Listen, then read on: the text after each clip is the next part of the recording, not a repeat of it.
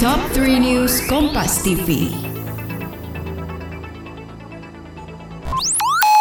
Halo Sobat Kompas TV, kembali kita update 3 berita terpopuler yang terjadi pada hari ini Kamis 20 Januari 2022 bersama saya Sinta Milenia di Top 3 News Kompas TV.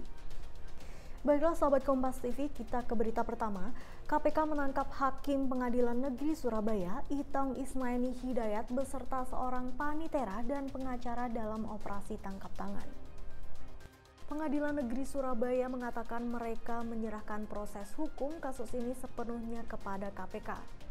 Kasus yang sedang ditangani Hakim Itong di persidangan sudah diserahkan ke hakim lain pasca penangkapan oleh KPK. Sementara itu, KPK mengatakan Hakim Itong diduga menerima suap dalam pengurusan perkara di Pengadilan Negeri Surabaya. Sedang merintis bisnis baru atau ingin belajar lebih tegar dalam menghadapi tantangan bisnis? Jangan sampai ketinggalan setiap episode terbaru dari podcast Smart Inspiration ya. Persembahan Smart FM, part of KG Radio Network. Baiklah sahabat Kompas TV, kita ke berita selanjutnya.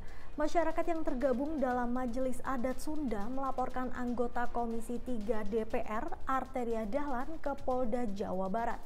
Pelaporan ini terkait pernyataan Arteria Dahlan saat meminta Jaksa Agung mencopot seorang kajati karena menggunakan bahasa Sunda saat rapat kerja. Pelapor menilai pernyataan Arteria telah menyakiti perasaan masyarakat Sunda. Selain itu, Arteria dinilai melanggar peraturan tentang pemeliharaan bahasa daerah. Anggota DPR RI Arteria Dahlan meminta maaf atas ucapannya yang menyinggung masyarakat Jawa Barat. Sebagai anggota DPR, Arteria Dahlan mengaku siap menerima sanksi dari partai dan akan mengevaluasi diri agar saat penyampaian sesuatu di ruang publik bisa lebih efektif. Berita terakhir sahabat Kompas TV, baku tembak terjadi antara anggota TNI dengan kelompok separatis teroris Kabupaten Maibrat, Papua Barat.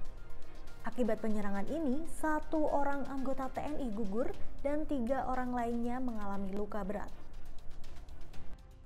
Penyerangan terjadi di Kampung Vankario dan Kampung Kamat, Distrik Aifat Timur, Kabupaten Maibrat. Kejadian baku tembak berawal saat personel TNI tengah memperbaiki jembatan. Tiba-tiba, KST menyerang dengan tembakan. Kejadian penembakan ini dikonfirmasi oleh Kapendam Kaswari.